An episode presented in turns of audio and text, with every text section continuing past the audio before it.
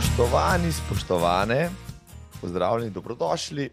Ja, oni dan sem nekje na Instagramu zasledil objavo, da vse, kar delate zdaj, se bo obrestovalo. Jeseni namigovali so namreč na tekaške treninge, ki jih pač moramo opravljati poleti, da bodo maratoni jeseni potem lažji, hitrejši, manj naporni.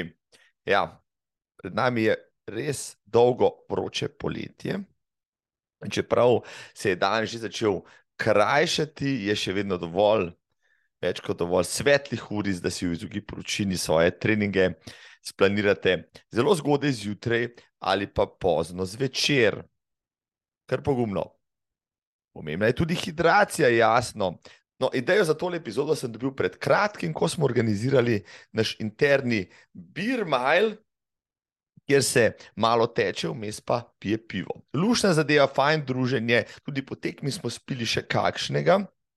Ja, ljubitelj piva, namreč sem, kar pa itak veste, saj ste brali mojo knjigo. Vedno me je zanimalo, kakšni so učinki alkohola na moje telo skozi rekel, tekaško prizmo, ali uh, moje pivo vpliva na moj tek, je morda uh, v kakšnem pogledu celo koristno, oziroma kako lahko morebitne negativne učinke uživanja piva in alkohola nasploh zmanjšam na najlažji možni način. Zato bom tokrat v družbi nutricionista Matjaža Macuha, reprezentanta in večkratnega prvaka Aleša Žontarja in odličnega rekreativca Aleša Smrdelja o tej temi in zadevi prišel do dna. Ja. Še prej pa, preden začnemo novičke in pozdravi. No, kot ste morda slišali ali zapazili, sem si končno mislil, no mikrofon rodejo pod mik, podcaster in upam, da dobim kakšen pozitiven feedback sedaj, tudi od žene Aleša Ugovška, uh, ki je uh, zadnjič zapazila razliko, morda bo tudi sedaj. Morda mi manjka še malo zvočne izolacije uh, v tem mojem provizoričnem studiu, ampak ne bo to naslednji projekt. Ob tem se še enkrat moram zahvaliti vsem donatorjem, Primožu, Ervinu, Ani, Marku in Erni, ki ste mi omogočili, da sem si ga lahko privoščil. Hvala lepa.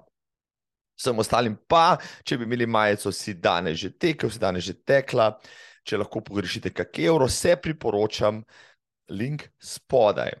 Hvala tudi za vaše komentarje in lajke, pa tudi za to, da se naročate na ta podcast na vseh platformah. Na YouTubu drvimo proti tisočki. Na hitro še kaj je novega tam zunaj. Uh, jaz sem se ravno vrnil iz Soča, Outdoor festivala, kjer sem bil kot ambasador tekaške minimalistične obutve Vio Barefoot, ki jo priporočam seveda tudi vam tule. Uh, spodaj je link na spletno stran, kjer vas čaka velika poletna razprodaja in popusti priporočam um, kak par, lahek zračen par za morske, tekaške in pohodne avanture. Uh, v paru Vivod, ki sem tudi sam pretekel najkrajšo razdaljo uh, v Soči, ja, in uh, med skoraj 2000 tekači srečal veliko, veliko znanih fac, prav fajn je bilo. Trejli, ja, kot ste zapazili, tudi sami še vedno rastejo. Uh, lahko vas povabim na še na par naslednjih, kjer bom tudi zraven, recimo kot moderator, bom prisoten na K24 v Črni na Koroškem, vabljeni, pa vabljeni tudi v Ribenco, na Ribenca trail, začetek septembra, vmes pa še vsaj Triglav trail run in Idrijski Haga trail. Tudi na cesti nas čaka bogata mednarodna maratonska jesen. Eh, mi se oziramo za drugo leto proti Bostonu in New Yorku, uh, skoraj napomnili pa smo že naš januarski Dubaj. Če vas mika najravnejši maraton na svetu, ki starta ob šestih zjutraj in ima uh, start pod najvišjo stavbo na svetu, par mest je še. Najhitrejši maraton na svetu, trenutno Berlin, ima novega izzivalca, letošnji londonski zmagovalec in drugi najhitrejši vseh časov. Kevin Kiptum gre v Nemčijo naskakovati svetovni rekord. Od Kipčogeja, to bo posebna poslastica. Dva tedna kasneje v Chicagu bo ogrožen ženski svetovni rekord. Tja prijeta tako druga najhitrejša vseh časov, Ruth Čepengetič ni nora Sifan Hassan, ki je letos briljirala v Londonu, še en hud showdown. No, svetovni rekorder na 5000 in 10000 metrov, Ugandec Čeptegej, bo tudi poskusil z maratonom, svojim prvim v karieri, tekel ga bo ne, decembra v Valenciji. Če koga mika na stop tam, ja, morda vam lahko dobim še kako strtnino. Naši atleti pred svetovnim prvenstvom na mačarskem odlično nastopajo, posebej Maruša, Mišmaš, Klara Lukan, tem, ko so mlajši člani na državnem prvenstvu v Novi Gorici tudi dosegli nekaj izvrstnih rezultatov. 5000 metrov sta zmagala pri dekletih Liza Šajn in pri moških Tjaž Dogan. Tako, zdaj pa glavni temi, ja, alkoholu in tehu. Prvega sem k mikrofonu in pred kamero povabil Matjaža Macuha, magistra športne prehrane iz ekipe Feel Good in z njim so obdelali vse vidike uživanja alkohola za tekače in tekačice. Pa začnimo. Spoštovana publika, vem, da tole poslušate po vašem treningu, zdaj le vas je užejalo, prav je tako. Ja, tudi naj bo. Um, to je že 155 epizoda podcasta, zdaj gre za tek in z mano strokovnjak na več področjih, Matjaš, Macuh, Matjaš, živijo. Zdravo, Marko. Kako si? Ej, super. Uh, po mojem, lahko kar zaupava publiki, da smo pred začetkom snemanja v baži spila dve pivi. Ja, namreč Itek sem se morala pripraviti na tole snemanje, ker bo beseda tekla o alkoholu in športu in tako naprej, o pivu. Pravzaprav. Jaz sem si rekel, dva sta spila, še enega imam tule za pol, ja, ker naj bo tudi tale pogovor najbrž užejal, jasno. Um, tema, ja, o kateri uh, že dalj časa razmišljam, uh, pa ne zato, ker sem sam ljubitelj rekel, žlahtnih napitkov, pač pa ker sem v zimi prebral Runners World en članek z naslovom. Does running have a drinking problem? Uh, ima tek uh, pivski problem, uh, ker so pač avtori razgrabljali o tem, da tekači pogosto tudi pijejo, ekscesni tekači lahko tudi ekscesno. In ali je to problem?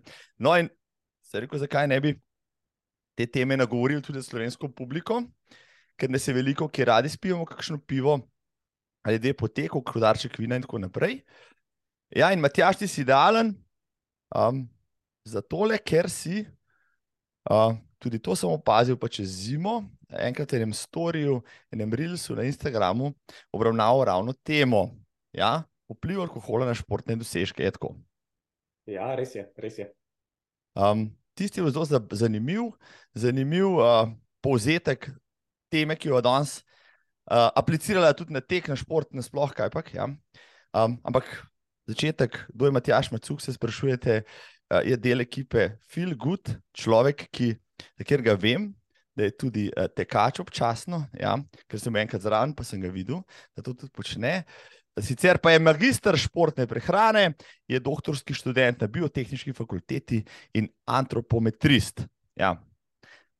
Razloži, prosim, ta zadnji pojem, ker ga večina ne pozna.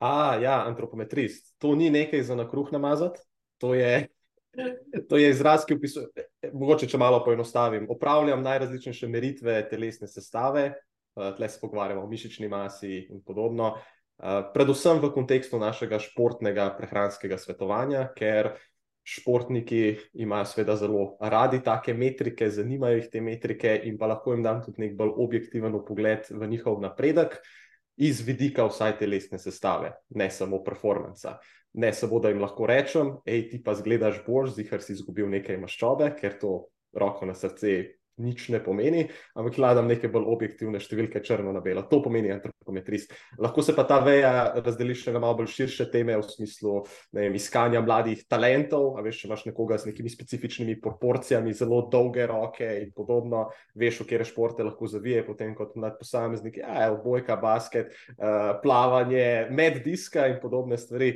Uh, ena veja mojega dela je pa še trenerstvo. Sem v bistvu rekel, glavni trener pri, pri podjetju Filbus.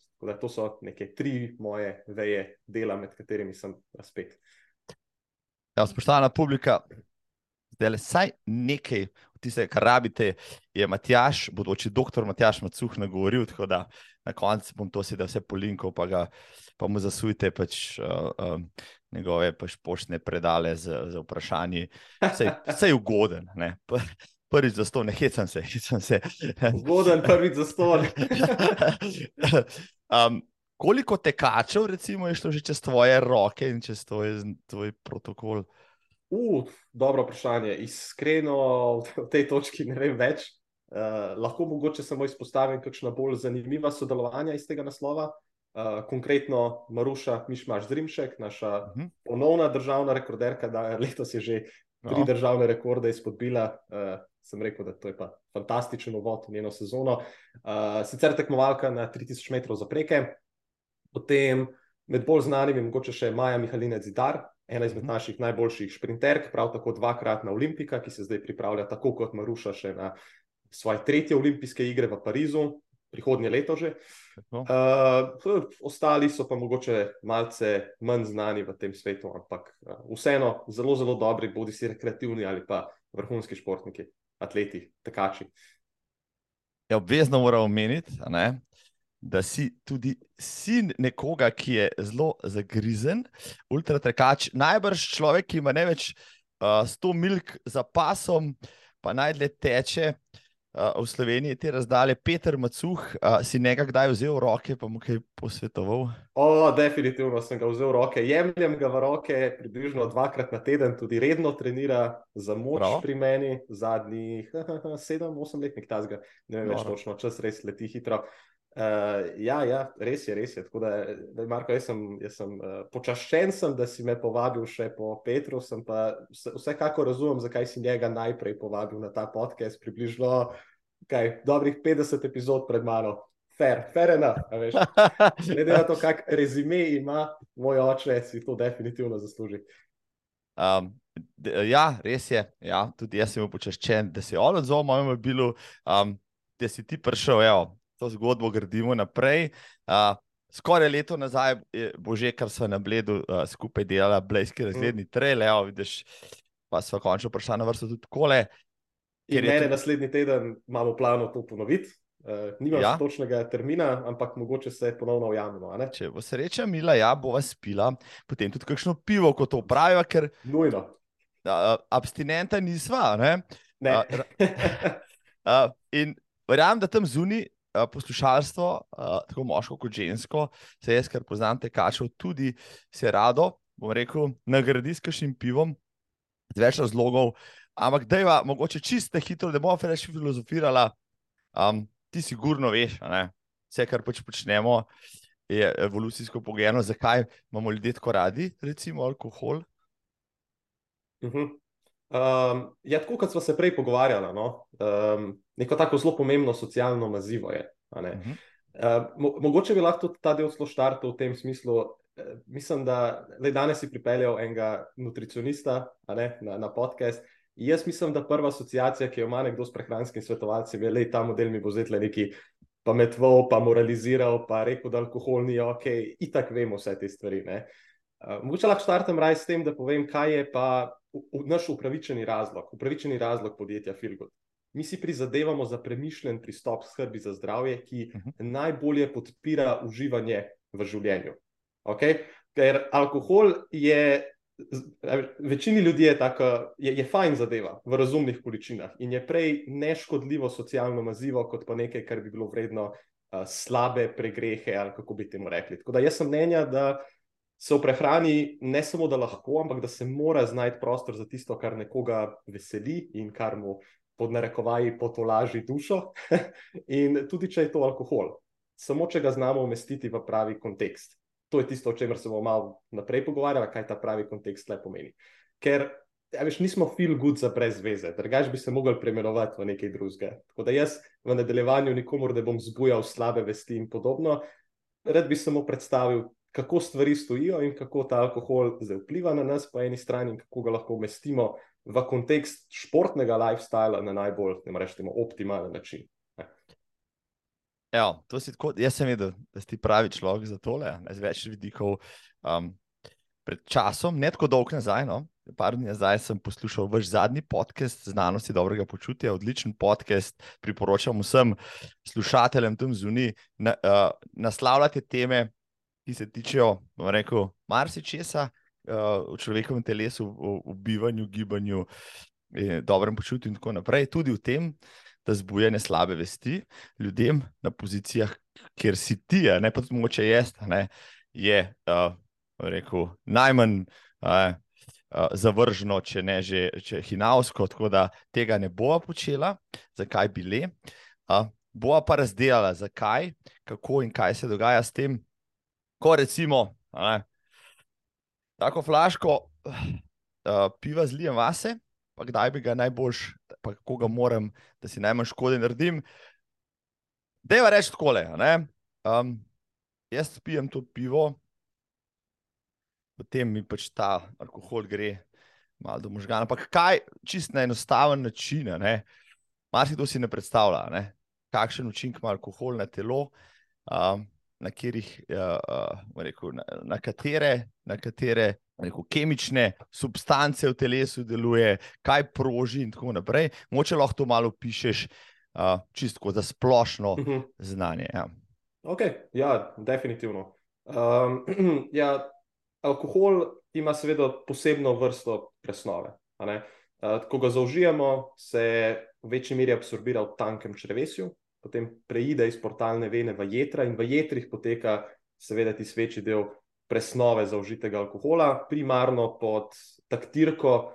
Tako reči, dveh pomembnejših encimskih mehanizmov, to sta aldehid in pa alkohol dehidrogenaza. In to je zdaj neodvisno, glede na vrsto alkoholne pijače, ker se ne na zadnje pogovarjamo o enaki molekuli, to je etanol. Ne? Samo uh, vozilo, s katero smo ta etanol dobili v telo, se lahko malce razlikuje. Bodi si je to pivo, ali je to vino, ali je to nek koktejl, žgana pijača, kakorkoli že. Uh, in seveda, kakšen bo negativen učinek zaužitega alkohola, bo odvisno predvsem od koncentracije krvnega etanola po zaužitju alkohola, ki bo pa odvisen od večjih dejavnikov. Prvi bo to, koliko smo sploh tega alkohola popili, logično. Eh, pa so pa drugi še nekateri drugi faktori, recimo genetski faktori, ki so vezani na prej omenjena encima, pa okoljski dejavniki, nekaj, kar tudi je zelo pomembno vzeti v upoštev pri tem. Ne. Recimo, kako pogosto pijemo, pogosteje kot pijemo, načeloma eh, bolj učinkoviti postanemo v, do določene mere, seveda, ne, ne, to, ni, uh, to ni stvar, ki kar poteka v nedogled. Uh, določene mere boljši postanemo v procesiranju tega alkohola, a je v želodcu prisotna hrana ali ne, tudi to vpliva na samo presnovo. Uh, za katero vrsto alkoholne pijače si gre, in pa v veliki meri tudi od telesne teže, koliko nas je skupaj. Ne, večja je telesna masa, uh, večji delež tega encimskega seta imamo in več tega alkohola lahko tudi sprocesiramo. In zdaj, če daš vse te dejavnike na en kup, uh, postane hitro razumljivo, zakaj je hitrost presnavljanja alkohola tako zelo variabilna in je pri nekaterih posameznikih dobesedno uh, trikrat hitrejša kot pri drugih. Ampak rekla, da so to tisti posamezniki, ki, ima, ki niso uh, ravno najbolj uh, zadeli tukaj na loteriji, glede pitja alkohola. Um, ja, se pravi, okay, zdaj tista, tista številka 10 mg alkohola na uro, ki jih jedra lahko predelajo, zelo splošna, uh -huh. uh, ki še zdaleč ne drži za vse. To je prva stvar. Uh, ki jo sklepam, uh, lahko potegnem iz tega, kar si povedal. Druga stvar pa je, da um, kar me je zmeraj zanimalo, je ta priporočila za moške, ženske, 14 enot za moške, pa, bo, mhm. pa boš vedel, kaj je enota, pa 7 za ženske. Ampak to bi tudi moglo biti potem variabilno, glede na to, da imaš lahko 100 kilskega deca, pa 50 kilsko žensko ali pa dvigalce v teži, pa maratonca. Ne? Eden, ki bo spil, slednji, ki spil 14 enot, to je 7 piv na teden, bo lahko, lahko imel že težave s tem, medtem ko za, za enega je pa to mačken daljši. Uh, uh, uh, bom rekel, after party v petek popovdne. After party je dober izraz. Ja. Ne, definitivno. Mi se kdaj pošalimo pri Filgudu, da so ta priporočila za vnos alkohola tako rahlo seksistična, zato ker ženske imajo tle bistveno manj manevrskega prostora. Pa v bistvu to ni zelo veliki meri odvisno od spola, ja, do določene mere, absolutno tudi je, ampak v večji meri je v bistvu to vezano na telesno maso. Tako da, tako kot si rekel, ne, lase, lahko imaš pa neko športnico, ki jo je malce več skupaj in veš, lahko potem bistveno več prenese kot mogoče nek. Se lahko da konkreten primer, imaš mogoče neko uh, metalko kugle, pa jo primerjaš z nekim uh, ultramaratoncem. veš, pa lahko ta uh, gospodična prenese bistveno več kot pa tisti gospod. Uh, Drugač pa, kar se tiče teh, da vam rečem, strokovnih priporočil za uživanje alkohola, omenjal si eno enoto alkohola, oziroma teh 10 mg etanola. To najdemo približno v deci pa pol piva, najdemo približno v enem decilitru vina, pa najdemo v enem štamprleju, a ne 0,3 decilitra Eh, neke žgane pijače. In zdaj neka okvirna priporočila, spet popolnoma okvirna, so za moške, tako kot si rekel, 14 enot na teden, oziroma deljeno to pomeni dve enoti na dan, ali pa maksimalno pet enot ob enkratni priložnosti. Za ženske so pa ta priporočila tako rekoč razpolovljena, torej sedem enot na teden, oziroma ena na dan, in pa tri enote ob enkratni priložnosti. Torej, uh, kaj to pomeni, potem tri, tri štamprleje, ne neke žgane pijače, ali pa da je reč 750 ml, tri je tam mali pivčki, no, pa ene tri deci vina.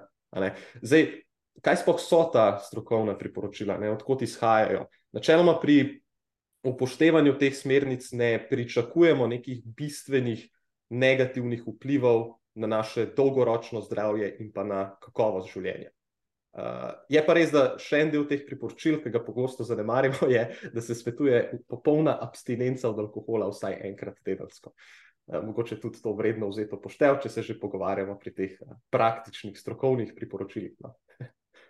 Um, ja, ko sem par kolegom povedal, kaj, kaj bo mi da snemala, recimo, sem najbolj prvo vprašanje bilo, ok, kaj če čez teden ne pijemo, lahko pol v petek vse spijem, vseh 14 enot, sem rekel ne.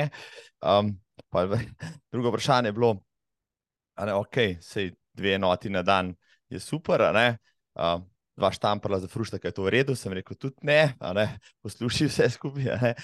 Da, um, posebej pa, ne, če zdaj da v kontekst to, kar se bova pogovarjala še naprej, najna ciljna publika je recimo aktivna, to so tekači, to so zdržljivostni športniki, um, ki um, tudi radi, ki spijajo zdaj. Um, posebej jasno ne, je vnos alkohola pri, pri športnikih povečan po telesni aktivnosti. Ampak, um, da je zdaj razdelite, čistko, kakšen je zdaj učinek um, alkohola, če bi ga zaužil pred aktivnostjo, lahko tudi med in po aktivnosti, kaj se v telesu dogaja in kakšne implikacije ima alkohol. Uh mhm. -huh. Ja, eh, tukaj se zdaj pogovarjamo malo bolj specifično o tajmingu vnosa, ne nek, nek časovni vnos, ne tako samo je, koliko, ampak tudi, tudi kdaj. In uh, nekako logično bomo pričakovati, da so največji negativni vplivi, vsaj akutni, ne, za dolgoročni se lahko naprej potem pogovarjamo, vsaj akutni, uh, vezani predvsem na pred, med in pa po neki telesni aktivnosti. Uh, pred in med, mogoče ne rabim niti povdarjati, zakaj ne bi človek želel preveč popiti, kaj ti.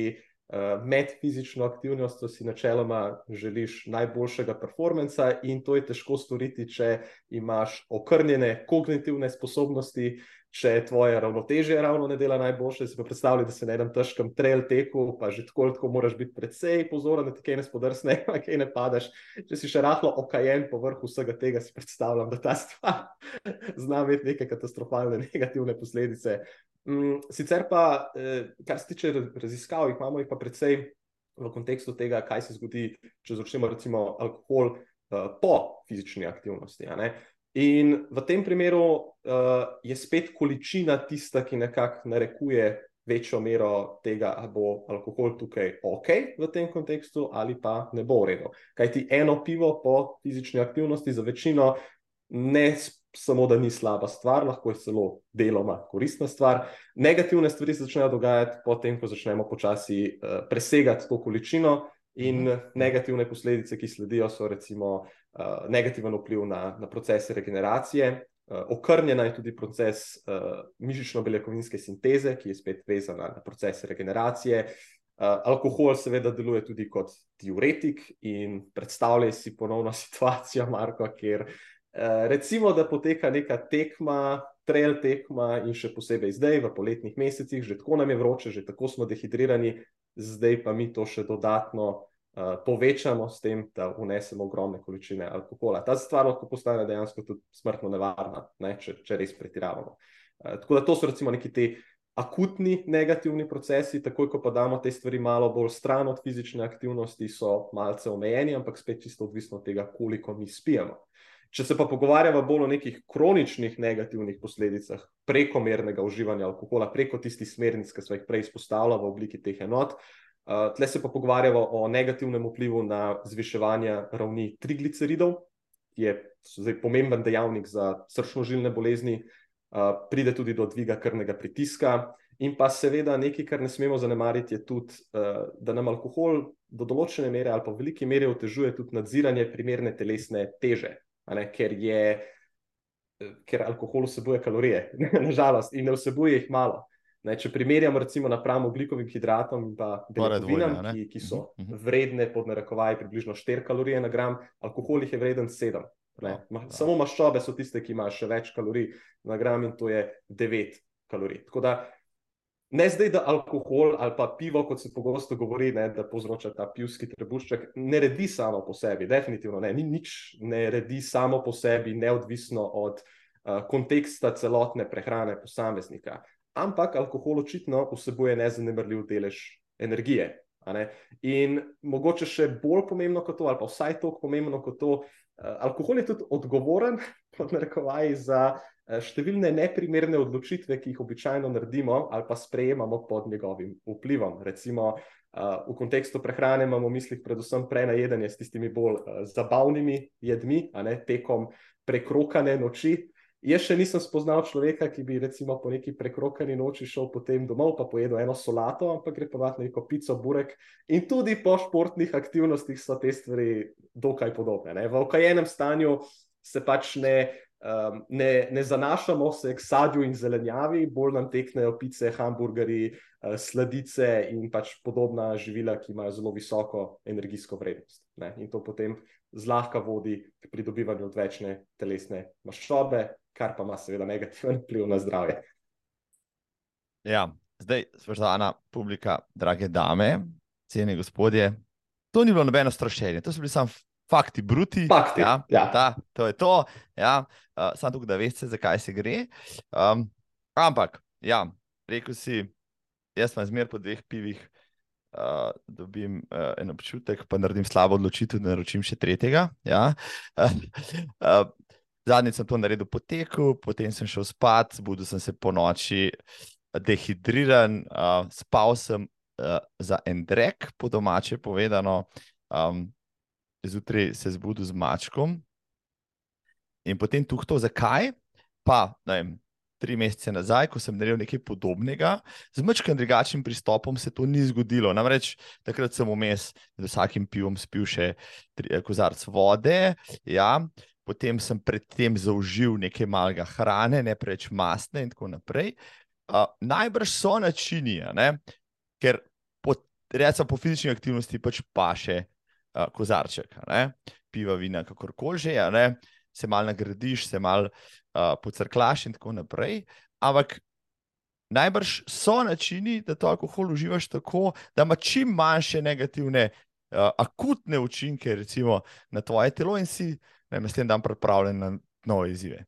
Definitivno. Um, za enega si v bistvu že omenil, ne, uh, razrešiti zadevo z vodo. Uh, ena, ena taka simpla enačba na tem naslovu, to se je spomnil Marijo Sambolec, to je pa ustanovitelj našega podjetja. Voda je enako alkohol minus ena. To je tako zelo simpele enačba. Se pravi, če popiješ dve alkoholni pijači, potem spi en kozarec vode, tri pijače pomenijo dva kozarca vode, in tako naprej. Ne, taka zelo simpele enačba, ki bo pripomogla, da se izognemo pretirani dehidraciji na eni strani, uh, pa mogoče nam pomaga tudi ohraniti ta bolj želen občutek okajenosti na drugi strani. To je ta balans ne, med obema točkama. Uh, druga pomembnejša točka je nekaj, kar zahteva malo bolj tak odrasel pristop, ampak vse so odrasli, ki to poslušamo. Ne.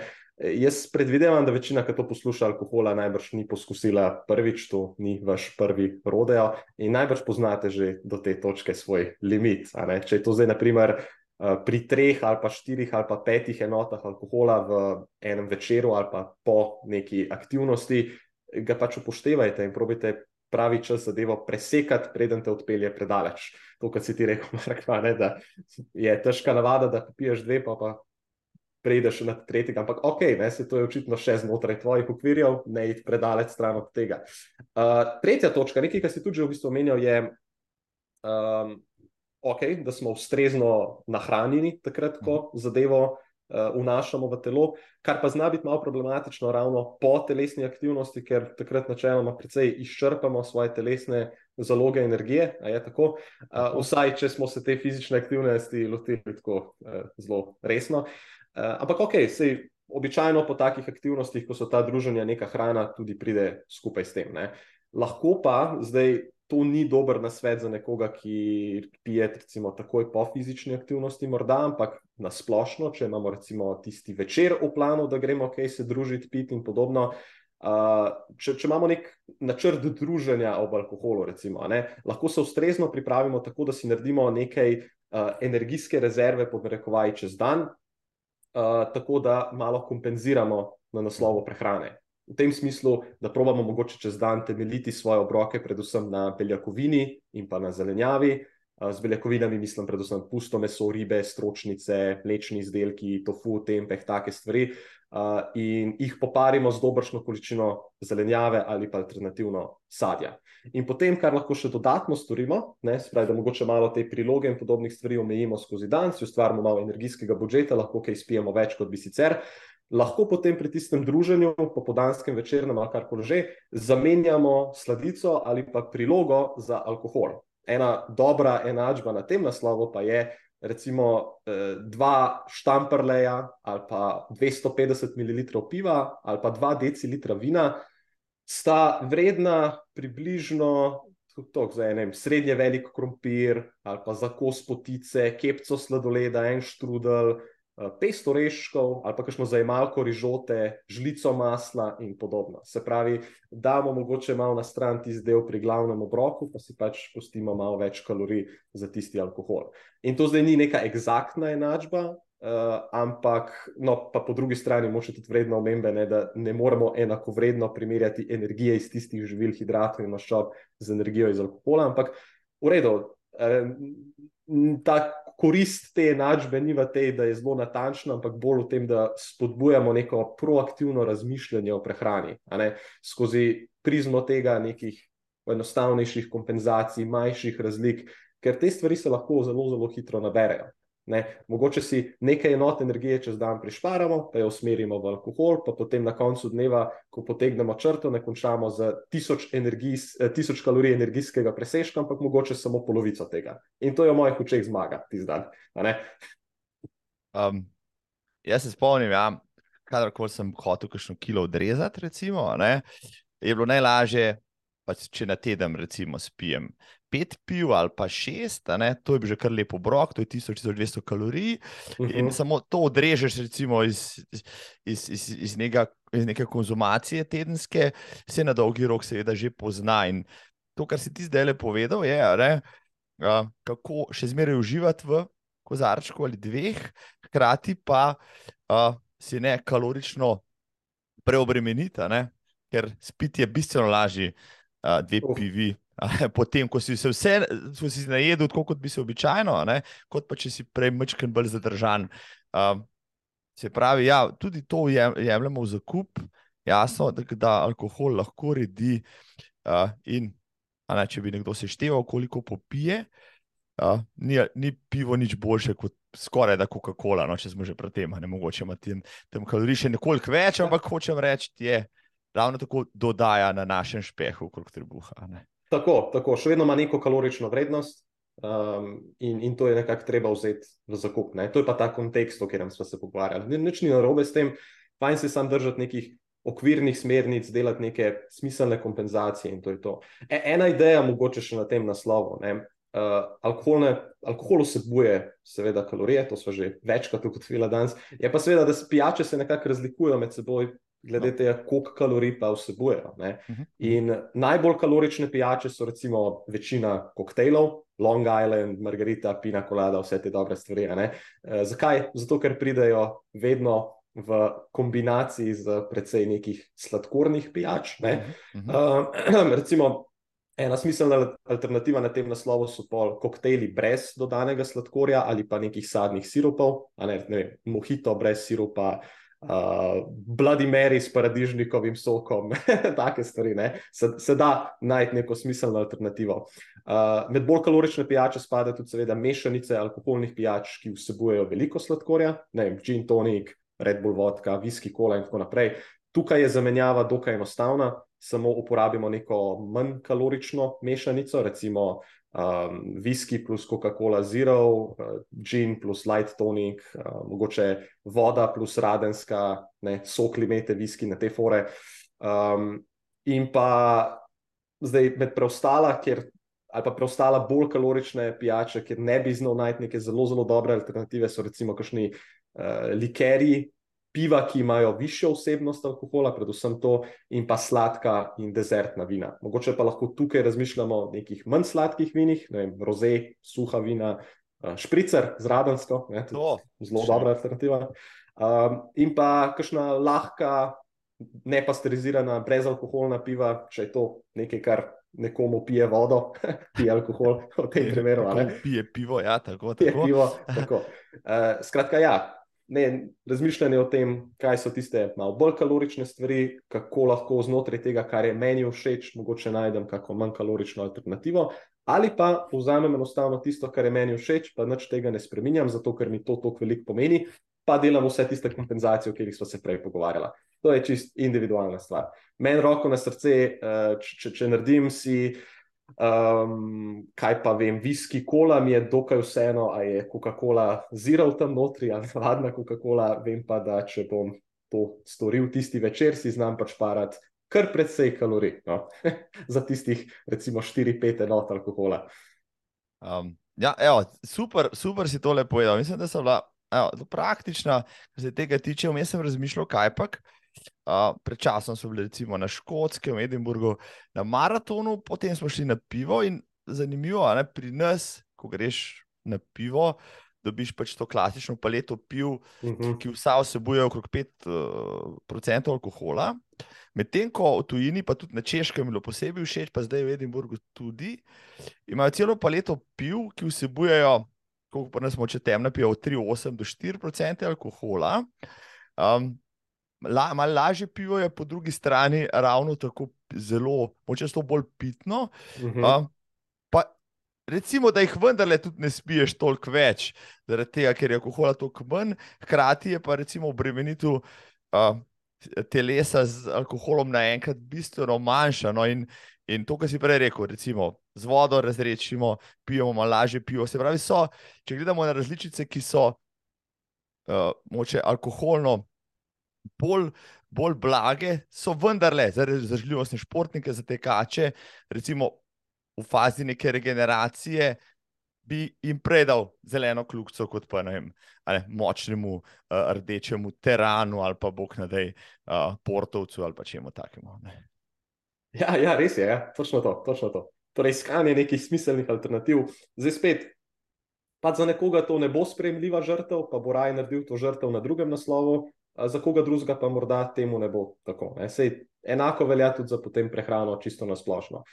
Pogosto pri, pri recimo, športni prehrani opazim, da športniki moče celo zaužijemo, jaz nas bom kar vrgel isti koš, neko primerno količino energije, ampak ta razmerje med oglikovimi hidrati in maščobami običajno ni v tist prid tega, da bi podpiral maksimalno performance. Ponovadi pojemo bistveno preveč maščob, pa premalo oglikovih hidratov. Torej, razmerje med tema dvema gorivoma, med benzinom in dizlom, da jim tako rečem, ni ravno najbolj optimalno.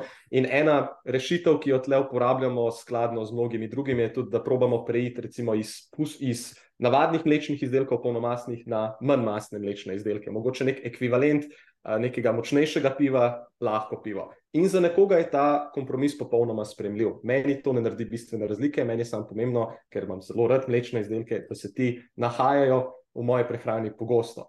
Za nekoga drugega ta prehod je veš, mission impossible. Pusti mi moje prave sire na miru, bova raje naredila kompenzacijo nekje druge. Ne? In povsem ok je to, veš, nismo, ne, ne pašemo vsi v en kalup. Znajde, razmisliti moraš, kaj je vredno za te, ki ti je najlažje narediti to žrtev. Tako da jaz pa ti najbrž zdaj veva, kje je to, mogoče pa spodbudiva razmišljanje še pri drugih, kje bi se to lahko zgodilo. Ja, mislim, da je važno, da, raz, da so razdelili temo, ne, da, da ločimo.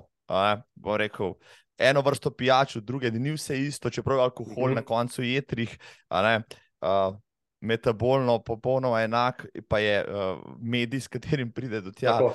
Lahko uh, bistveno vpliva na vse ostalo, ne, tudi na presnovi, na učinke. Uh, eno stvar te moram še nujno vprašati. Ne? Prej uh -huh. si omenil, mhm. čeprav, ne, kar sem bral člankov, pa študij pa tega. Ne? Tudi ena študija ne bo rekla, da je alkohol v kakršnem koli uh, smislu lahko uh, pozitiven. Uh, posebej pri športnikih, pri rekreativcih, pri, pri vzdržljivostnih športnikih, še sploh. Ampak uh mhm. -huh. prej si omenil, da morda pa določena manjša količina alkohola lahko pozitivno vpliva. Tako naj bo rekel telo športnika, rekreativca, kot človeka nasploh. Lahko to mogoče malo elaboriraš. Super vprašanje. Um, zdaj to bo mogoče malo kontroverzno in. Jaz si ne bi želel iskreno, da je temu tako. Lahko začneva s tem disclaimerjem. Okay, Jaz bi okay. raje videl, da je drugače, ampak ne morem komunicirati tega, ker dejansko znanost tega ne kaže alkohol enostavno ni zdrav v nekakršni količini in v nekakršni obliki. Je pa seveda lahko del prehrane, ki v splošnem podpira zdravje, ne? pod pogojem, da se ga uživa, recimo, znotraj tega konteksta, o katerem smo se pogovarjali. Tako da alkohol sam po sebi ni zdrav, Ampak zdravje je v bistvu zelo, zelo kompleksen pojem ne? In, in ne mara čistunskosti in je vedno odvisen od konteksta.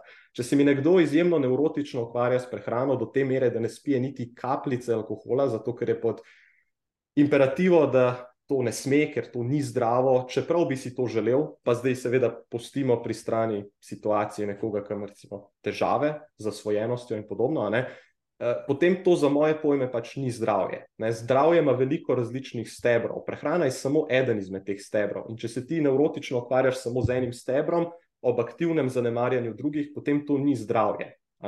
Če začne recimo trpeti tvoje socialno življenje na tvoj račun, podobno.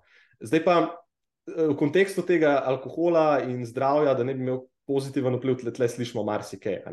Od um, Recimo, tipičen primer bi bil železo, pa resveratrol v vinu, ali pa uh, ti si mi dal ta primer, ne šilce za razkužice in podobno.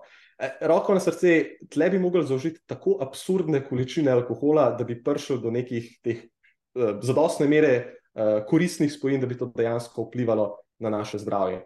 Da, da, da mogoče en konkreten primer. Um, vino se recimo povezuje z ugodnimi vplivi na srčno-žilno zdravje, primarno preko resveratrola. Ne, resveratrol je ta naravno prisoten fitoleksin, ki ima načeloma zelo koristen vpliv kot podnarekovaj zaščita pred srčno-žilnimi obolenji in podobno.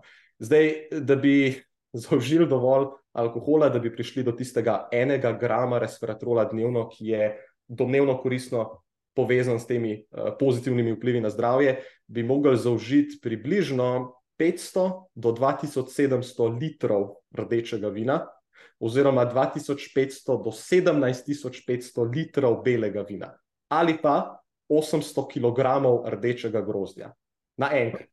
Um, um. Mislim, da ne bo šlo. Ne?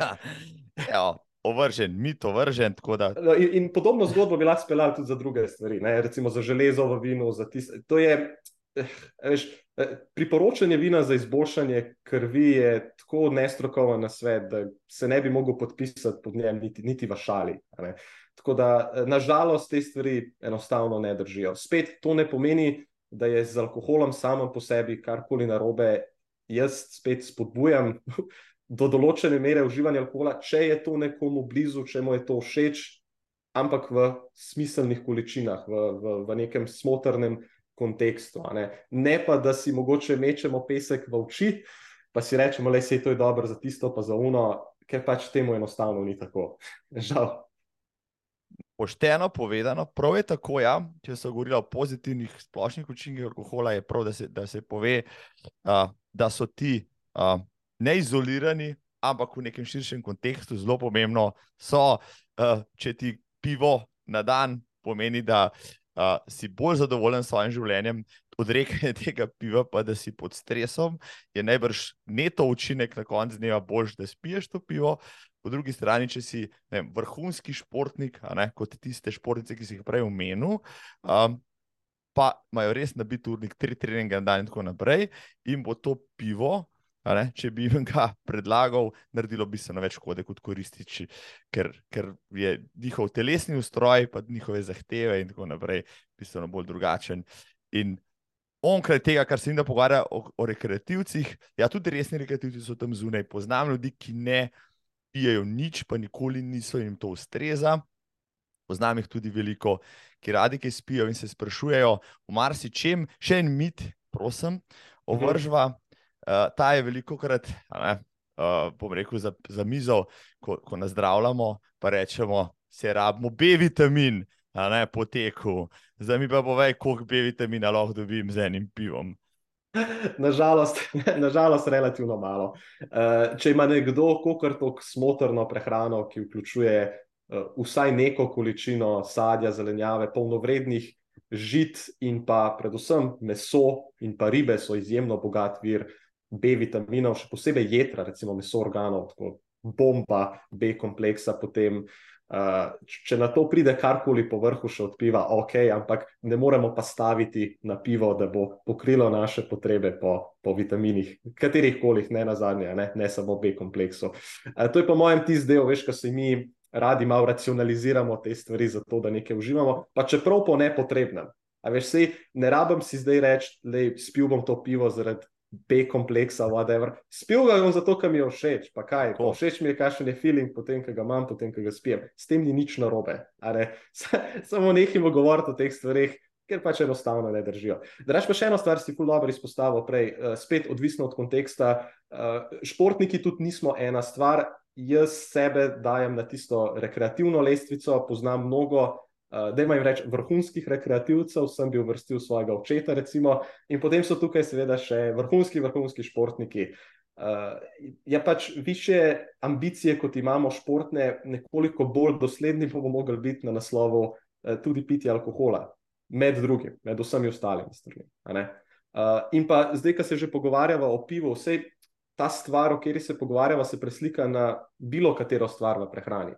Lahko je to tudi čokolada, lahko je to tudi čips, kepca sladoleda in tako naprej. Ljudje imamo podobne težave s tem, čemer se danes pogovarjamo o pivu, lahko tudi na drugih naslovih. Ne, si ne upajo, ker uh, vključiti nečesa noter, ker so pod, pod neko miselnostjo, da tega enostavno ne smejo, da je to prepovedano, da je to slabo. Nič ni slabo prepovedano, priori, samo tako, po sebi. Tako, ja, ja. Ja, tako, ne, demoniziranje. Ne. Tako. Pa recimo, da je alkohol tema, uh, ki je lahko problematična, ker ima, pa že prej sem povedal, cel kup dolgoročnih negativnih učinkov, tudi akutnih, uh, ne samo fizičnih, tudi psihofizičnih, pa neko vplivov na okolje in tako naprej, na osebnost človeka. Vendar le. Alkohol je zanimiv tudi zaradi tega, ker malo spremeni, uh, malo vpliva na našo nevrološko sliko, na dojemanje okolice, malo nam uh, uh, vpliva na lahko tudi na zboljšanje počutja.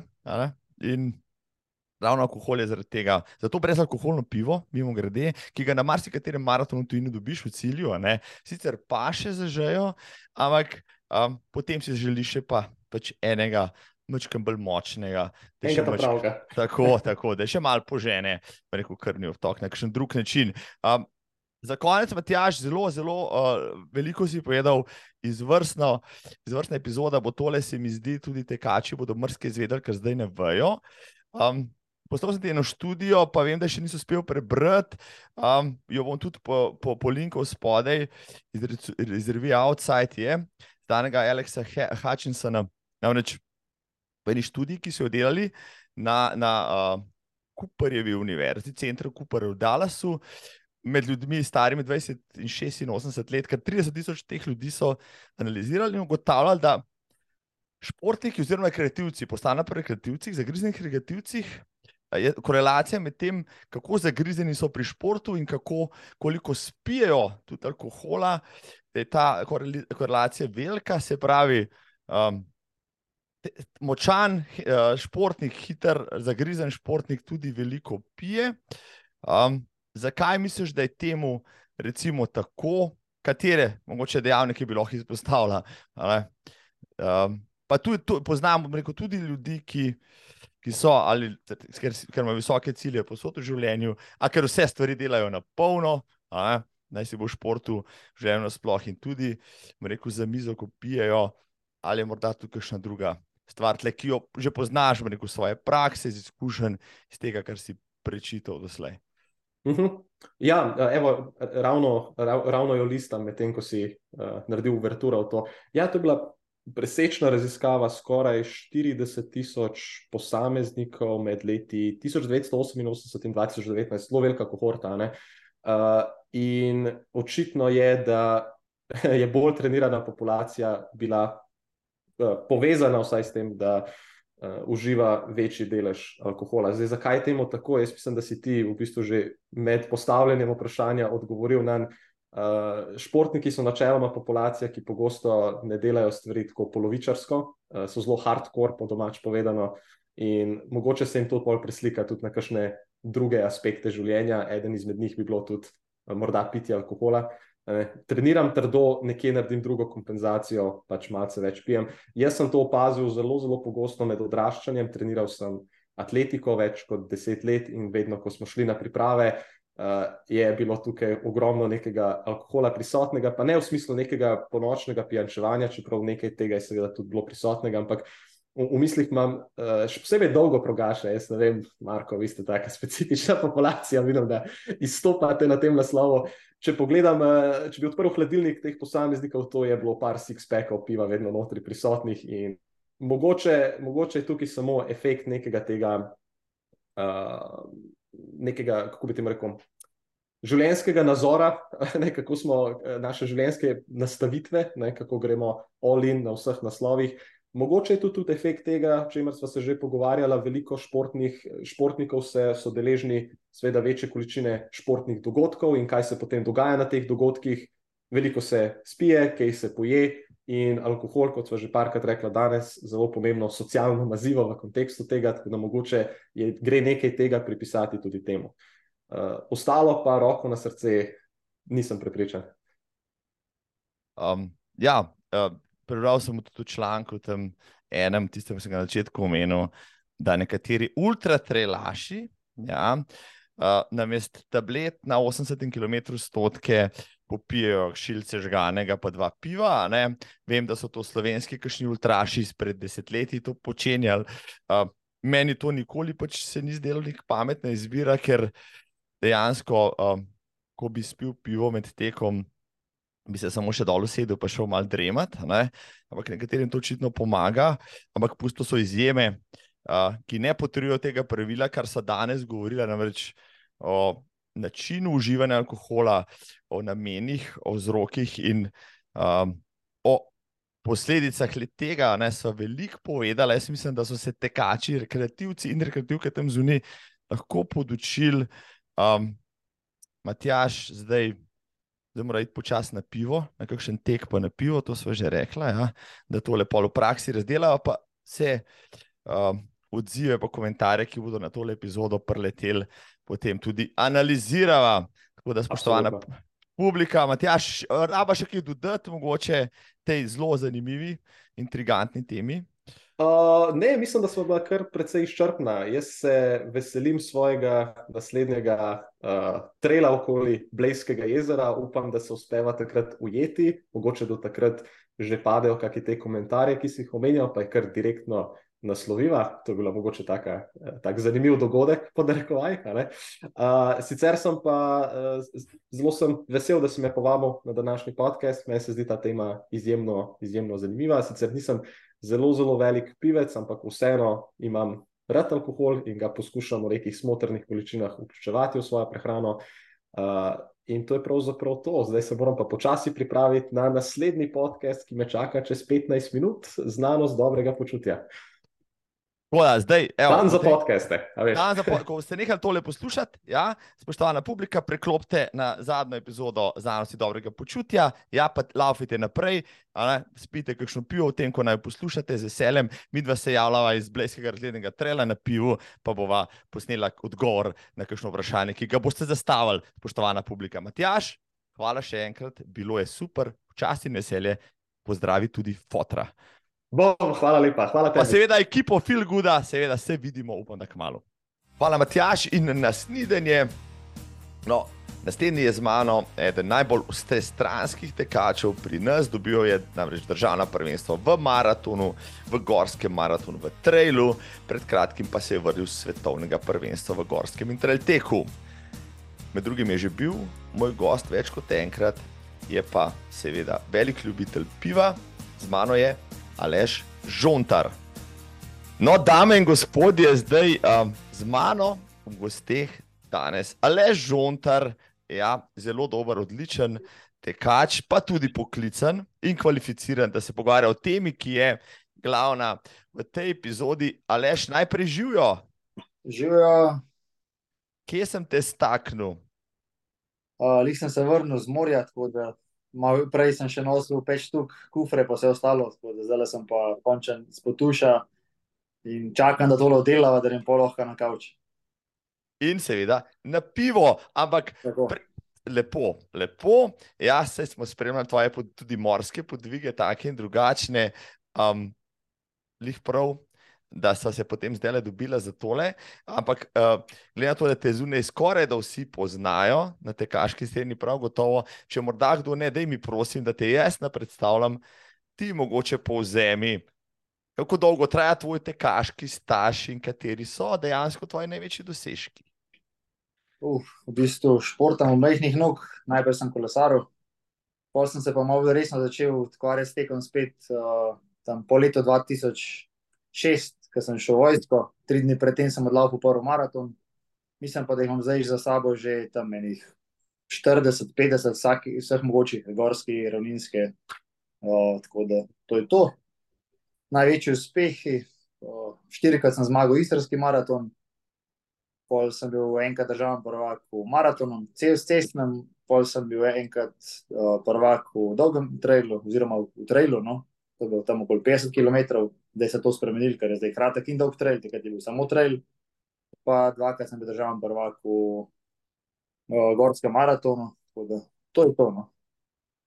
Pred kratkim si se vrnil tudi svetovnega prvenstva kot reprezentant v Trelu, je tako?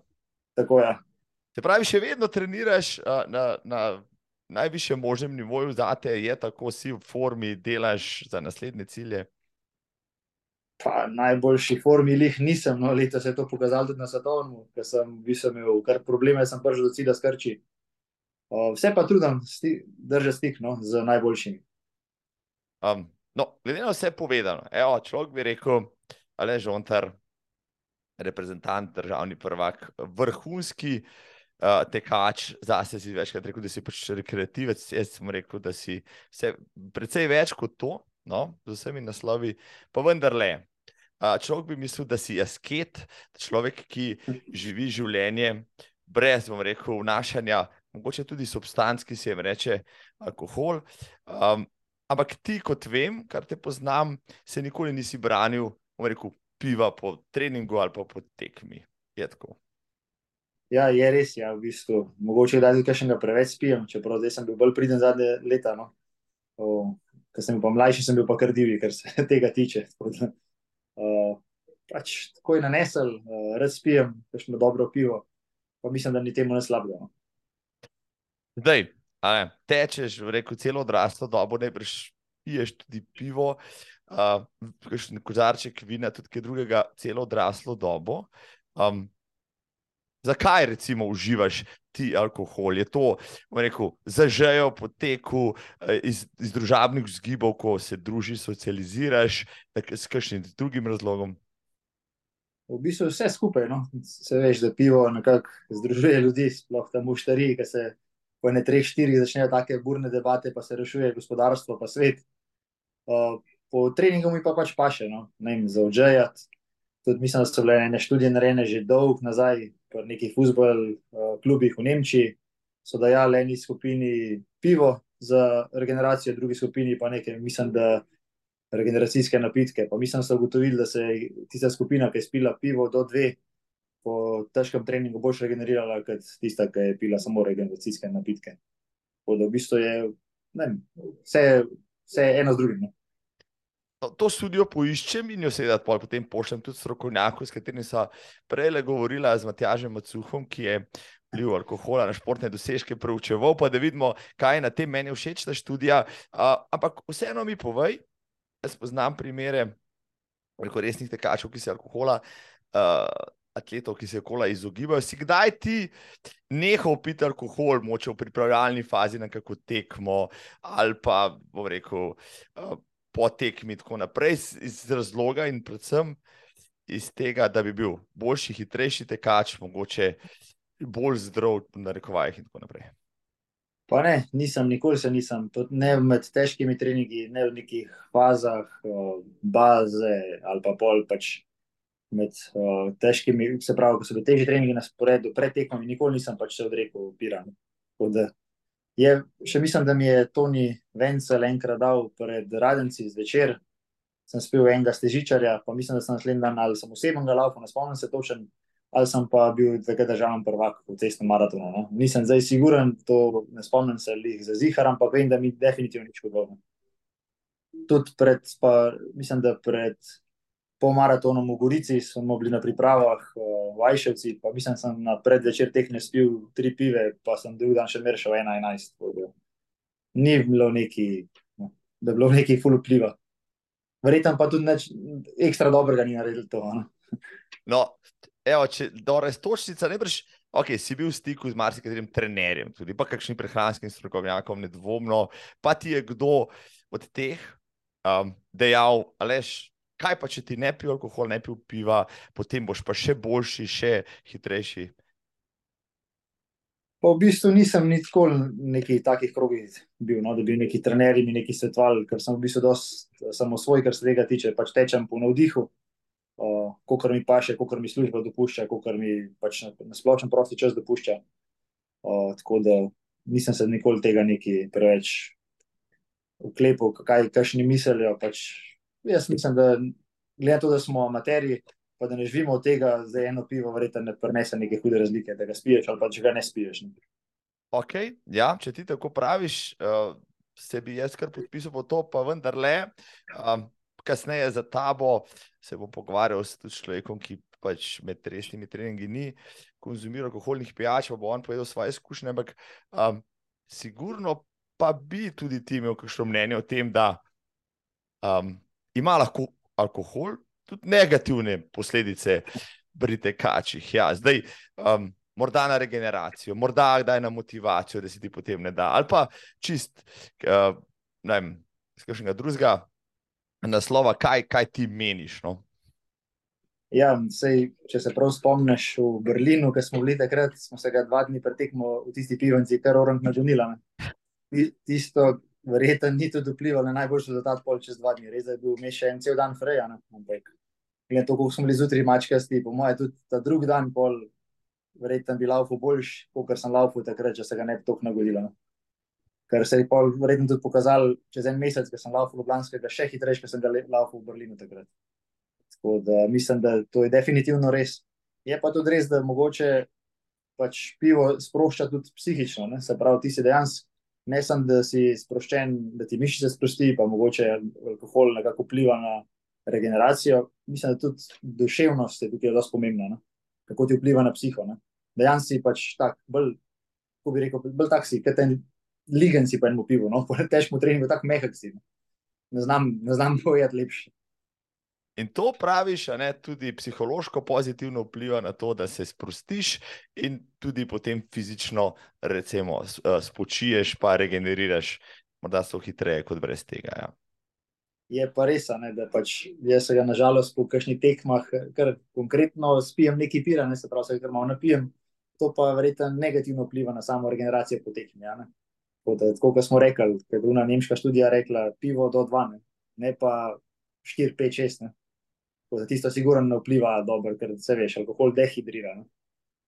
Tako, tako to še enkrat poudarjamo, ja, in prav je, da se pove, ja, zmerna količina alkohola za pivce, uh, tudi kot je Aleš, očitno uh, ne prinaša negativnih uh, posledic, medtem ko ekscesno uživanje tudi pri njem pač, pa še pri kom drugem. Zdaj, ko si že omenil mačka, ja, spomnim se tistega Berlina. Uh, veselo je bilo, peli smo slovenske pesmi in spili kakšno pivo preveč. Um, ampak recimo, da so zgodbe dobre.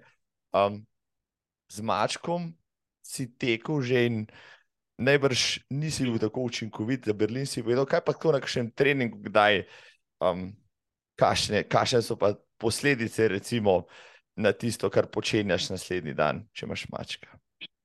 Ja, siguren je, za telo ni fajn. Ne. Telo je že tako pod stresom, ker se v bistvu proba zabiti strupa v telesu. Se pravi, jedra bolj dela, ledvica bolj dela, v bistvu vse je bolj obremenjeno.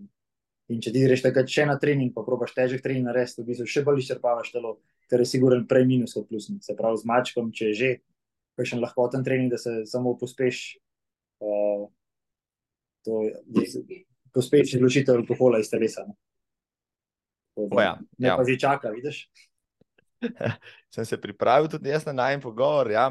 ampak če ga zaključujem, mi še povej, um, okay, kdo bi naj poslušal, pa rekel, okay, to sta pa dva tekača. Eden je sicer, ja, eden je sicer zelo hiter, ampak pretečete domov, še preden sta potušem, sta že v hladilniku in že točite pivo. Pa ne brž nič s tem tako, tudi ti ne brž.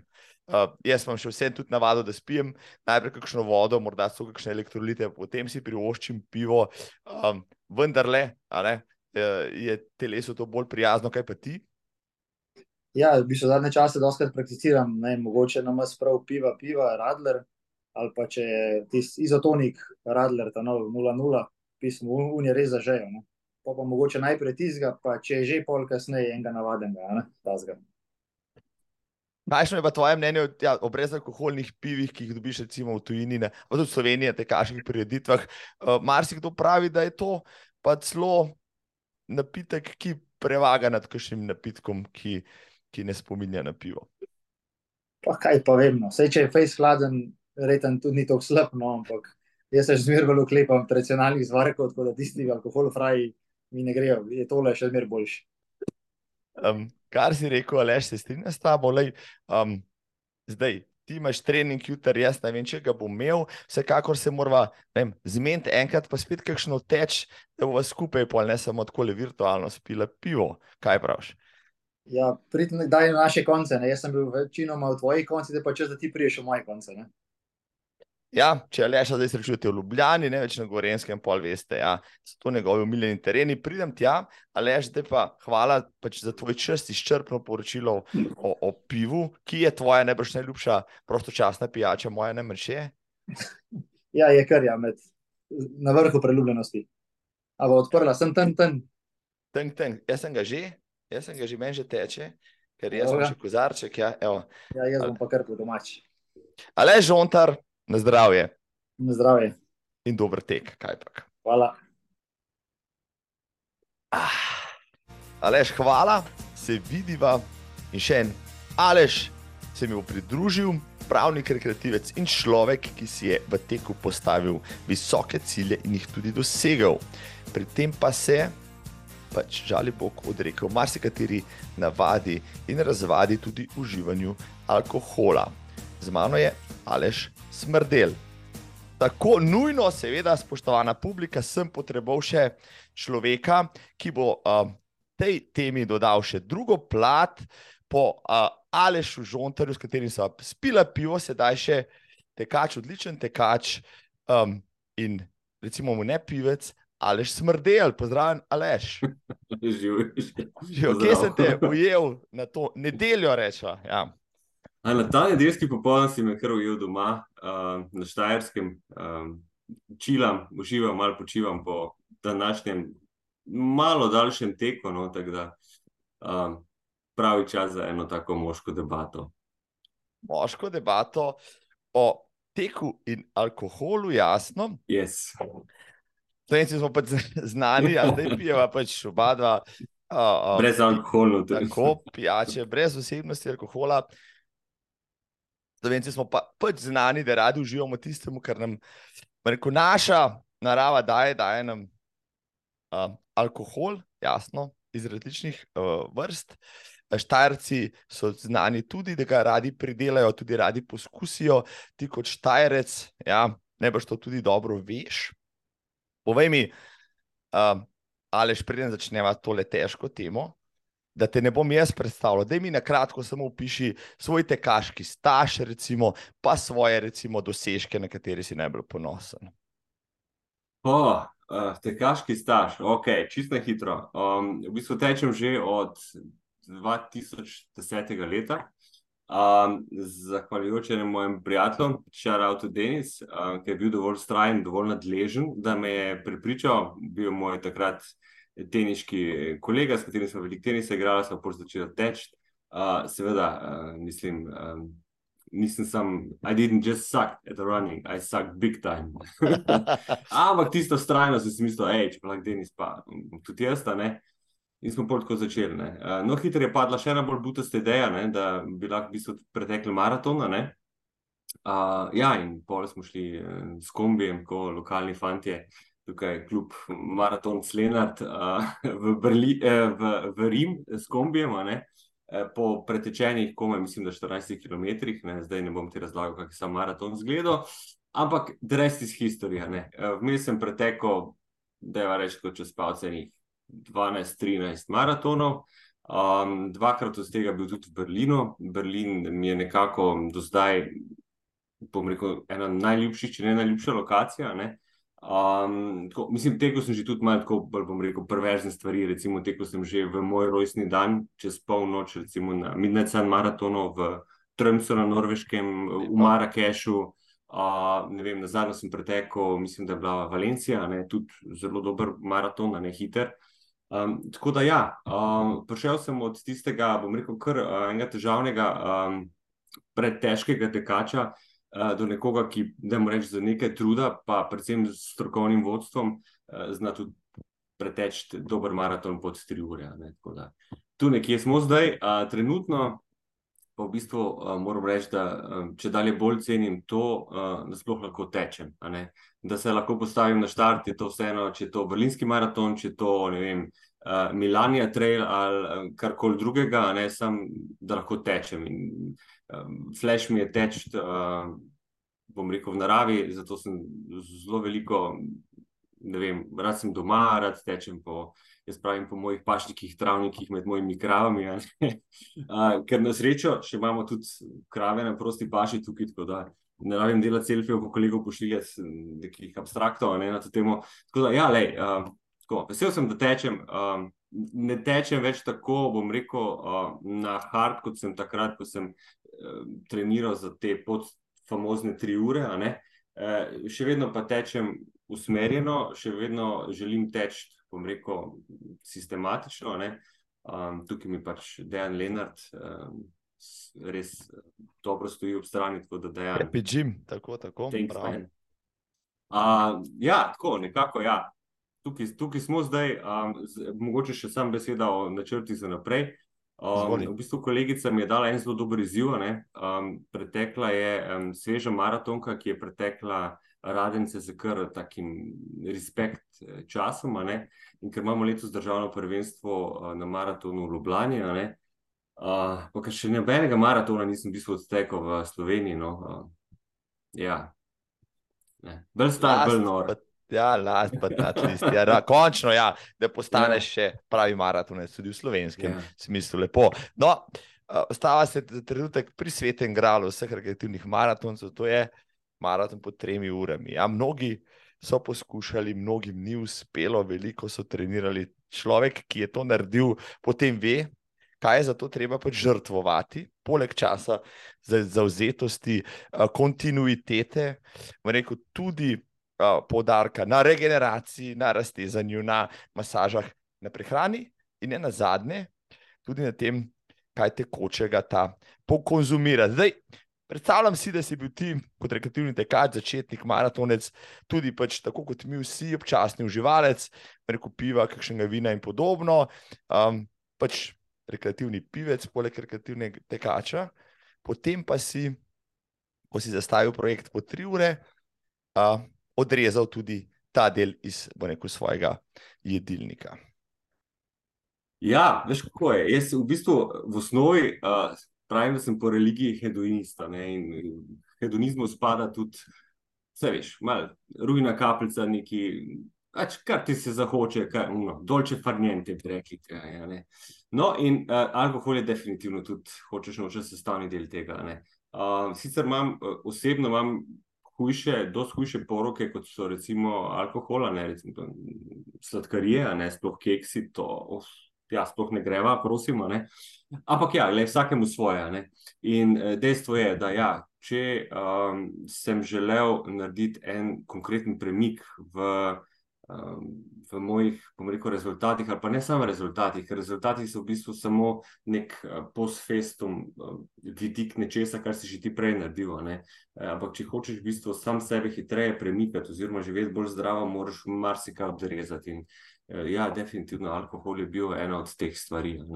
Um, ampak, zdaj, če smo konkretno o teh mojih načrtih, takrat, ko sem treniral za po tri ure, Um, mogoče oh, je alkohol sploh ni bil največja žrtev. Ne? Večja žrtev je bil, ne vem, generalno gledano, social life, ne? zato ker zaradi dinamike treningov, sploh če kombiniraš z zahtevno službo, um, zmanjkati časa, ne, ne moreš pa biti v bistvu uh, rockstar čez vikend, pa neki, da moramo reči, resen uh, amaterski maraton čez teden.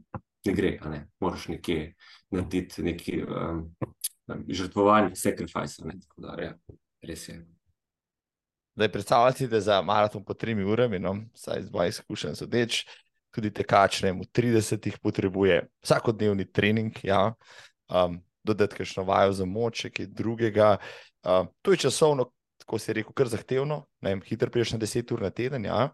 Um, zdaj, preden si pač treniral tako veliko, si najbrž spil kakšno pivo na dan ali kako, ali si pa pil v družbi, si pil za žejo, kako je to izgledalo pri tebi.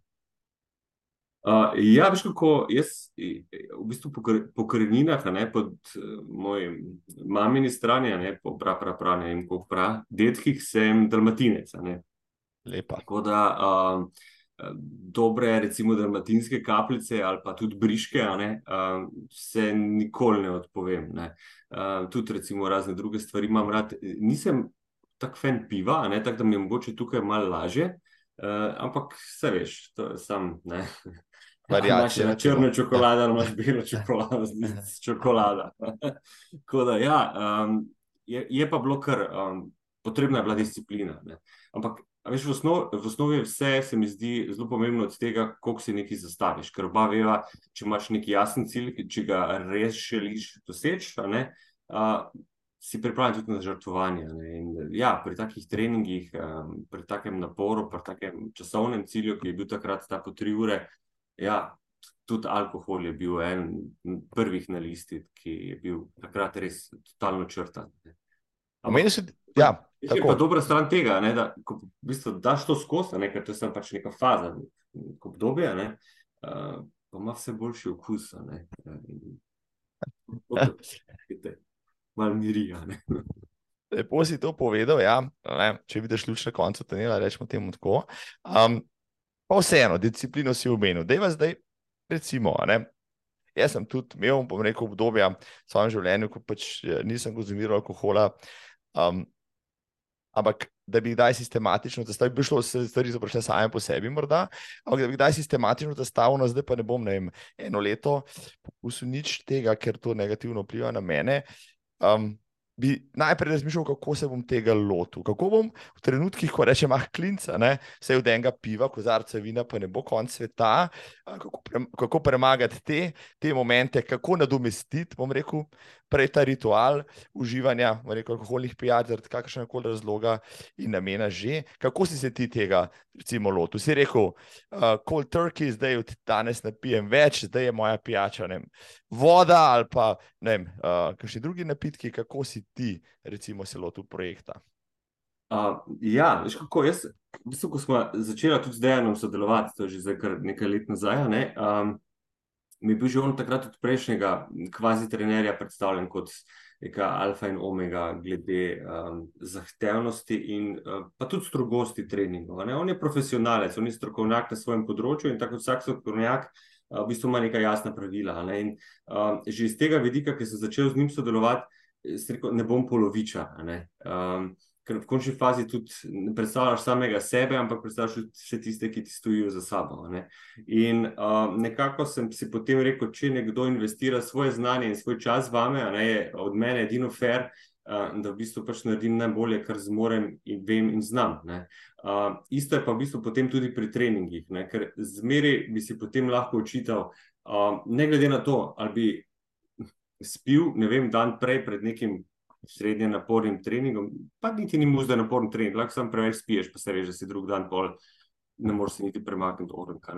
Um, ali pa tudi, recimo, da imaš ne vem, nekaj recimo, intervale, ne, vsi jih delamo in uh, si potem rečeš, ne vem, mogoče pa bom enega izpustil ali pa en set izpustil. Pa pa greš na tekmo, uh, pa slučajno, lahko imaš samo slab dan, ne, pa fejlaš. Ne.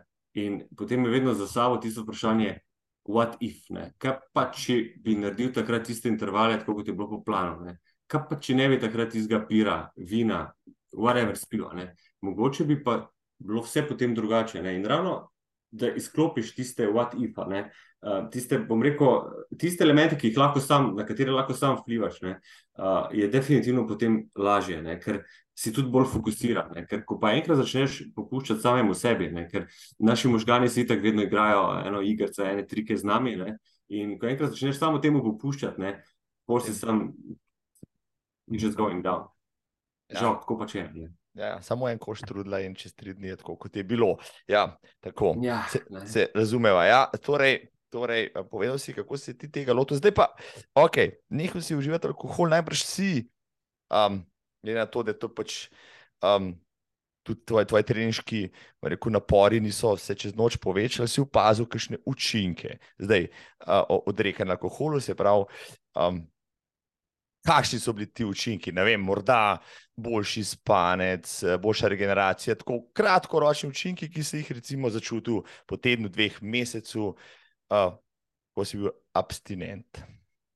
Kako pri meni se to, bom rekel, kar hitro poznalo. Zato, ker ponavadi sem imel dolge teke eh, v nedeljo, ne nedelja, jaz jim pravim, mašni teki.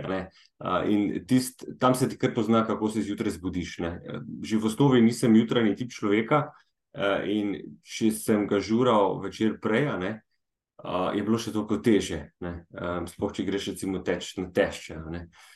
In to se je potem, kar bom rekel, hitro poznalo ta efekt, da, da je telo bolj razbremenjeno, ne? ker v bistvu ti, ki zaužiješ alkohol, um, seš, to je pač nek. Neke vrste toksina, ne, nek mhm. strup. Ne, in tako, mhm. stres za telo, in telo pač rabi neki energije in fokusa, da se tudi s tem spopada. Ne. Zdaj, pa, če še ga ti obremeniš za eno fizično, dokaj naporno aktivnost, ki traja, da jim rečem, ne vem, dve uri ali pol, dve uri, ni važno, ne, je še to bolj toliko teže. Tako da v bistvu ta učinek se meni poznal kar takoj. Ne. In um, Druga taka stvar je recimo bila, eh, ko potem določene tudi nutriente daš iz prehrane, ne vem, recimo eh, ta referiniran sladkor, ne, eh, tist še se to bolj pozna. Recimo tudi se je poznala razlika, kaj sem užival, ne, ker recimo, če uživaš alkohol v kombinaciji s tem sladkorji, ne, je potem še toliko večji kreš za telo. Ne, in ja, mislim, se pozna, telo lažje funkcionira in tudi ti, tudi recimo možgani ti boljš delajo, lažje razmišljaš, nisi tako obremenjen, tudi sam, se veš med tekom, tisoč in ena misel. Ne? E, tudi um, narava tis, tistih misli je drugačna. Ne? Zdaj, da ne bom zdaj zvenel kot vem, Hari Krišna, tralala, ne? ampak dejansko vpliva to na, bom rekel, na celotni organizem, ne? v pozitivnem vidiku. Ne?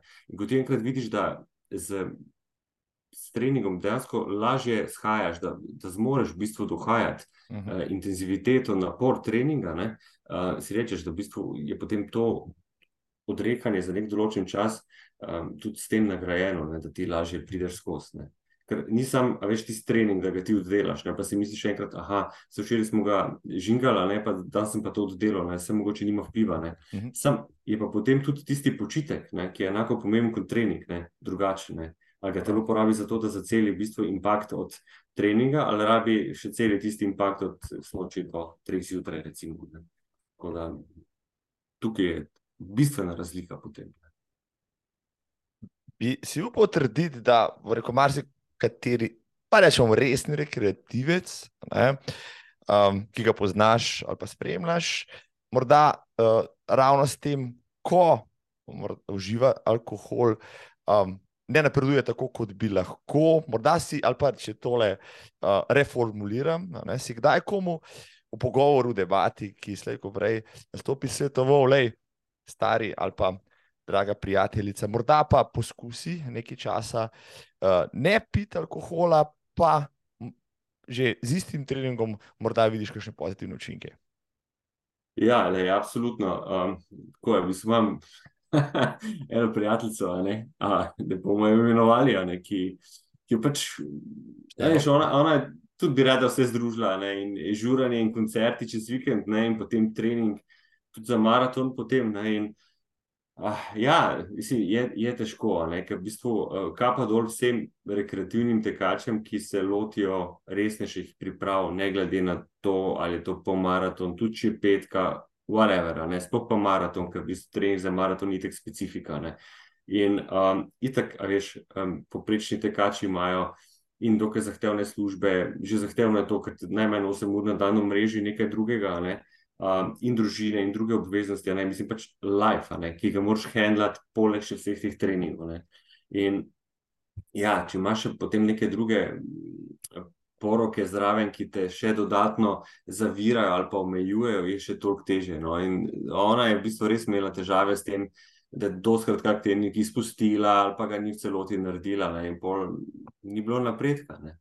In ja, smo imeli en taki pogovor, ravno na temo, da ne moreš v bistvu imeti ovce in ovce.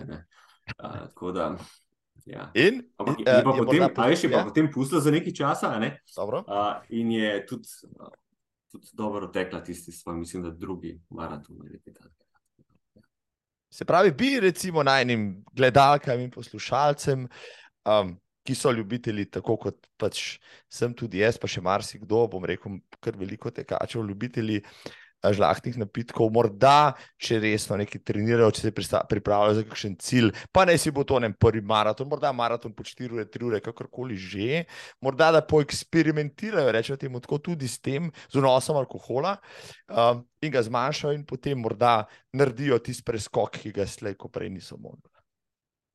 Uh, ja, veš, kako ti bom rekel, zdaj tu bom zelo di diplomatsko odgovoril. Zoli, ja. uh, težko je nekomu nekaj prepovedati, ker ne veš, v bistvu, koliko mu kaj pomeni. Ne? Uh, je pa definitivno butasto, če uh, ti nekaj zelo veliko pomeni, pa ne narediš vse, kar je v tvoji moči, da bi to dosegel. Uh, lahko pa v bistvu dam res en taki orang na svet, uh, to, kar je tudi meni največji challenge, ne, na splošno v lifeu. In to je pa zmernost, ker mislim, da je to ključ do vsega. Ker uh, nismo mi profesionalni tekači, nismo mi, ne živimo od tega, to nam je samo hobi. Tako kot nam še tisoč ena druga stvar lahko. In, eh, važno je, da v bistvu uživamo v tem, kar počnemo. Ne. Tudi če si pa zadamo malo bolj konkreten cilj, pa da, tako kot sem rekel, ne, naredimo vse, kar pač sami lahko, da to tudi dosežemo. Ne. In um, zakaj bi nekdo, mislim, bilo bi pa zelo kretensko, da bi nekdo se ne želel odpovedati alkoholu, pa mogoče celo posegel po kakih drugih substancah, ki so pa dejansko prepovedane, ker žal tudi to imamo v amaterskem športu, tudi pri nas v Sloveniji. Zdaj to je čist tema za eno drugo debato. Ne. Ampak uh, ja, lej, um, ja za, za, za dober cilj se je potrebno marsičemu tudi odpovedati. Ja. In absolutno, lej, če si nekdo nekaj želi, pa da je tisto alkohol na stran, ne sej. Vse ne bo je fajn, ne, ja. ampak backfire. Vse ni povej, no, recimo, ne, jaz sem velik ljubitelj piva, recimo po svoji nedeljski maši, jutranji je obvezno tudi postanek na ljubem uh, bližnjem bifeju, kjer pač spijemo tisto kupico ali dve. Zdaj, če bi meni nekdo rekel, nekaj piti alkohol, s čim bi to na moče, bi začel piti brezalkoholno pivo, ki mi v osnovi ni preveč všeč, ampak ajde, saj simuliram, da pijem nekaj, kar mi je v osnovi ljubo, s čim pa si ti, recimo, uh, ta manjko zdaj ne domestil. Ti, če ti je manjko, sploh na stol, rekel. Zdaj, nisem mogel potem več toliko spita, ker sem spet začel. Ampak, uh, kaj, spre, spremeniš se, ne? v bistvu tudi, um, recimo, primerjavo dobro ti lahko dam s sladkorjem. Uh, Potem sem začel posegati po nekih teh um, fake sugar flavor stvareh, pa raznih teh umetnih sladilih, ki še je hujša kemija. Uh, pa na koncu vidiš, da, da je to sam nek nek metadon, oziroma nekaj, kar, kar ti blaži tisto isto odvisnost, oziroma um, tisto željo po tistem. Viš, to, to še je mogoče en dober aspekt, ki ti ga nisem pozabil, sem ga prej omeniti. Da v bistvu je. Um, Fajn je, če si v bistvu svoboden vsega. Torej, da te nobena stvar ne omejuje, ali pa da nobene stvari nisi tako odvisen, uh, da ti vpliva na kvaliteto življenja. Ne. Uh, Bog ne da, da je to recimo, ne vem, neka hrana ali pa neka alkohola ne, ali pa pijača hrana, karkoli. Lahko je tudi čisto nekaj tretje, ne vem, kaj je, recimo. Ne, ker uh, gorje potem takemu, ne, ki bo odvisen od enega takega, od ene take substance. Ne, to, ne, potem nisi svoboden. To je še en drug aspekt. Uh, le, tako je, nekaj si ti rekel, v bistvu, ker potem po tem obdobju sem seveda začel tudi malo. Uh, uživa, tudi spomni se, ne vem, Berlin 2018, ne, ki smo pol potekli na zdravljenje. Ampak uh, ja, ima boljši okus, ker si se tako dolgo postil tega. Ne. Ampak potem tudi nekako vidiš, da lahko pa shajaš brez. Nisem umrl, čeprav nisem, ne vem, pil, ne vem, karikiram, pol leta. Ne. Mhm. So freaking what, če sem zdržal pol leta, ali lahko zdržim še eno leto. Ne? To je spet tisti challenge, vsi smo malo tekmovalni. Ampak dobro je, da smo tekmovalni, predvsem sami sabo. Ne? Zato ne pomeni, da gremo v čisti neki asketizem, ne? ampak um, tako kot sem prej rekel, ključ je v zmernosti. Ne? Zdaj pa zmernost je pa tudi relativno pojem. Mislim, da si dobro tole povedal. Všeč mi je recimo, ta misel, da um, pot do zmernosti včasih vodi čez odpovedovanje. Morda je lažje doseči zmernost, če si vmes nekaj časa odrečeš kakšno stvar in jo potem znaš umestiti, ovrednotiti in potem uživati po pameti, kot pa če bi rekel, ki bom zdaj prepolnil na pol, pa bom zdrav in zmeren, pa včasih tu ne gre. Všeč mi je, všeč mi je tvoja premisa.